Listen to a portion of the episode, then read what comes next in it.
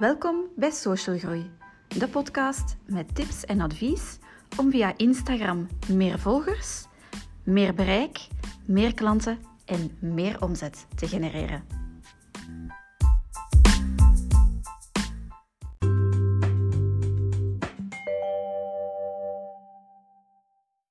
Hallo en welkom bij aflevering 5 van de podcast Social Groei.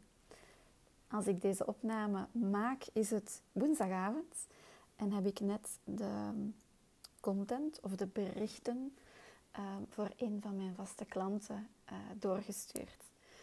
Uh, want ja, ik geef het, het merendeel van mijn tijd ben ik bezig om um, ambitieuze ondernemers te leren hoe zij zelf meer klanten, meer bereik, meer volgers en meer omzet kunnen halen door hun Instagram-pagina strategisch in te zetten, zonder dat dat al te veel tijd kost. Maar er zijn ook een aantal klanten per maand waar ik eigenlijk hun social media um, beheer. Het is te zeggen dat ik berichten voor hen maak. Uiteraard volgen zij de reacties op uh, vragen en dergelijke zelf op. Maar um, voor een van die vaste klanten heb ik zo net uh, de voorstellen voor zowel Instagram als Facebook doorgestuurd. Dus uh, dan is het even wachten op de feedback en eventueel nog kleine aanpassingen doen. En dan kunnen die ook al ingepland worden voor volgende maand.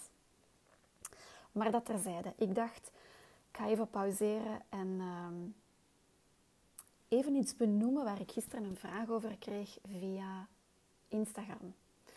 Ik had namelijk uh, eerder deze week een bericht gepubliceerd waarin stond dat je vanaf nu ook berichten kan inplannen via de Instagram-app. Dus met andere woorden, gewoon via jouw gsm kan je berichten, de teksten, locaties en dergelijke, eventuele hashtags die je wilt toevoegen, al klaarzetten. En verschijnen die op de door jou gekozen dagen en uren.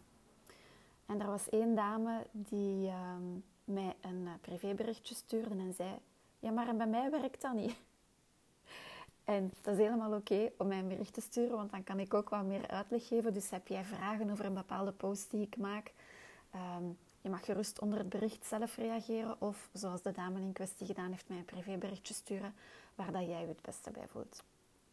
Ik heb haar meteen ook de vraag gesteld van, um, oké, dat kan, maar mijn eerste vraag is, welk type account heb jij? Want op dit moment is het, althans vanuit België, mogelijk om uit drie soorten Instagram-accounts te kiezen. Je hebt één het persoonlijke account, je hebt het creator-account of het makers-account en je hebt dan een professionele account. En wat is nu precies het verschil tussen die drie? Wel, een persoonlijk account zegt het zelf, dat is eigenlijk voor privégebruik. Is het beste geschikt als jij met vrienden, familie, kennissen ja, foto's, filmpjes wil delen over jezelf of over je privéleven. Daar is dat uitermate geschikt voor. Het grote voordeel is dat je dat account op privé kan zetten en dat je dus zelf kan toestaan of weigeren dat bepaalde personen jouw profiel kunnen volgen. Dus jouw profiel is, als je het op privé zet, afgesloten. En mensen kunnen pas zien wat je daarop zet als je ze het daar de toelating voor geeft. Als je het dus op privé zet, je kan je profiel ook publiek zetten, um, als jij dat zou willen. Het grote voordeel van dat persoonlijke account is, behalve het feit dat je het kunt afschermen voor meer privacy, dat je ook toegang hebt tot alle soorten muziek, omdat het voor privégebruik is. Dat is een verschil bij het professionele account. Daar is de keuze in muziek die je kan toevoegen aan bijvoorbeeld stories of posts, want dat gaat ook, is dat eerder gelimiteerd. Waarom? Omdat Instagram ervan uitgaat, en dat is geheel terecht, als het een professioneel account is, is dat voor een professioneel gebruik. En dan zit je met copyrights, um, toestanden wat muziek betreft. Daarom is het de keuze voor muziekfragmenten daarin redelijk beperkt. Het voordeel van een professioneel account is dan weer dat je vanaf het moment dat je minstens 100 volgers hebt, dat je toegang hebt tot jouw statistieken. Wat heel interessant is om te kijken wie zijn jouw volgers. Zijn dat mannen, vrouwen, in welke leeftijdscategorie, um, van waar wonen ze? Hè? Want die details kan je ook zien. Dus dat is super handig om te kijken of uh, jouw volgers in jouw doelgroep vallen. En ook ehm, kan je in detail nagaan wanneer dat zij het meest actief zijn. Op welke dagen en welke tijdstippen. En dan kan je daar rekening mee houden als je berichten inplant. Ehm, ja, kan je kijken welke populaire tijdstippen zijn voor jouw doelgroep. Want stel nu dat jij, ik verzin er ter plekke iets, hè, dat jij een, een product verkoopt um, dat uitermate geschikt is voor mensen die s'nachts wakker liggen, niet goed kunnen slapen, dan is de kans reëel dat zij ook s'nachts of laat op de avond aan het scrollen zijn op hun gsm. Of misschien heel vroeg s ochtends als ze wakker in hun bed liggen.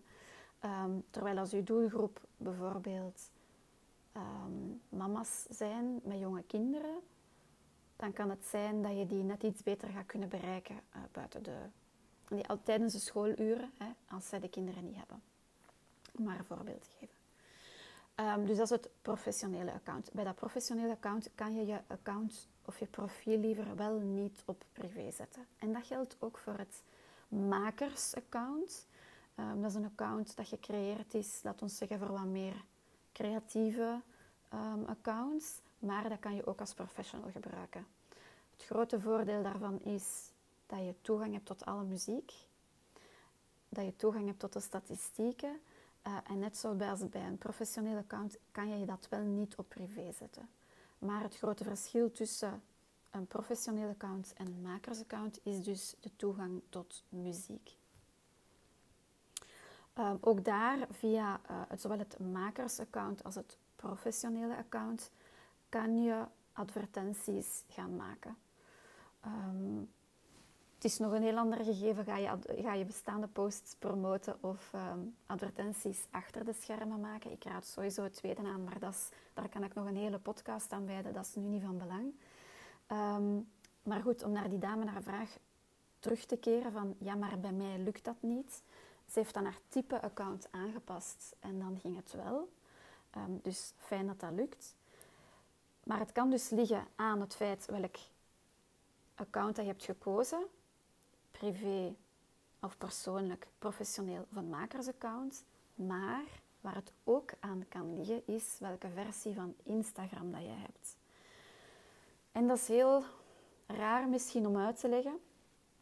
Maar iedereen heeft een bepaalde uh, beta-versie van Instagram. En dat kan perfect zijn als jij en ik naast elkaar hebben gezeten. Dus als we ons fysiek in dezelfde uh, locatie bevonden en op exact hetzelfde moment de Instagram hebben app hebben gedownload, kan het toch zijn dat jij een iets andere versie hebt dan ik en dat jij toegang hebt tot bepaalde tools of features voor mij of net na mij.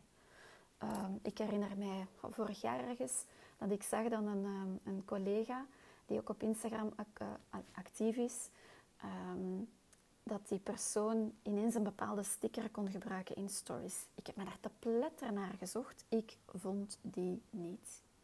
Ik heb ettelijke maanden moeten wachten en dan had ik pas toegang liever tot, ehm, tot die sticker. Dus zo zie je maar um, dat het echt kan variëren welke Instagram-versie dat je hebt.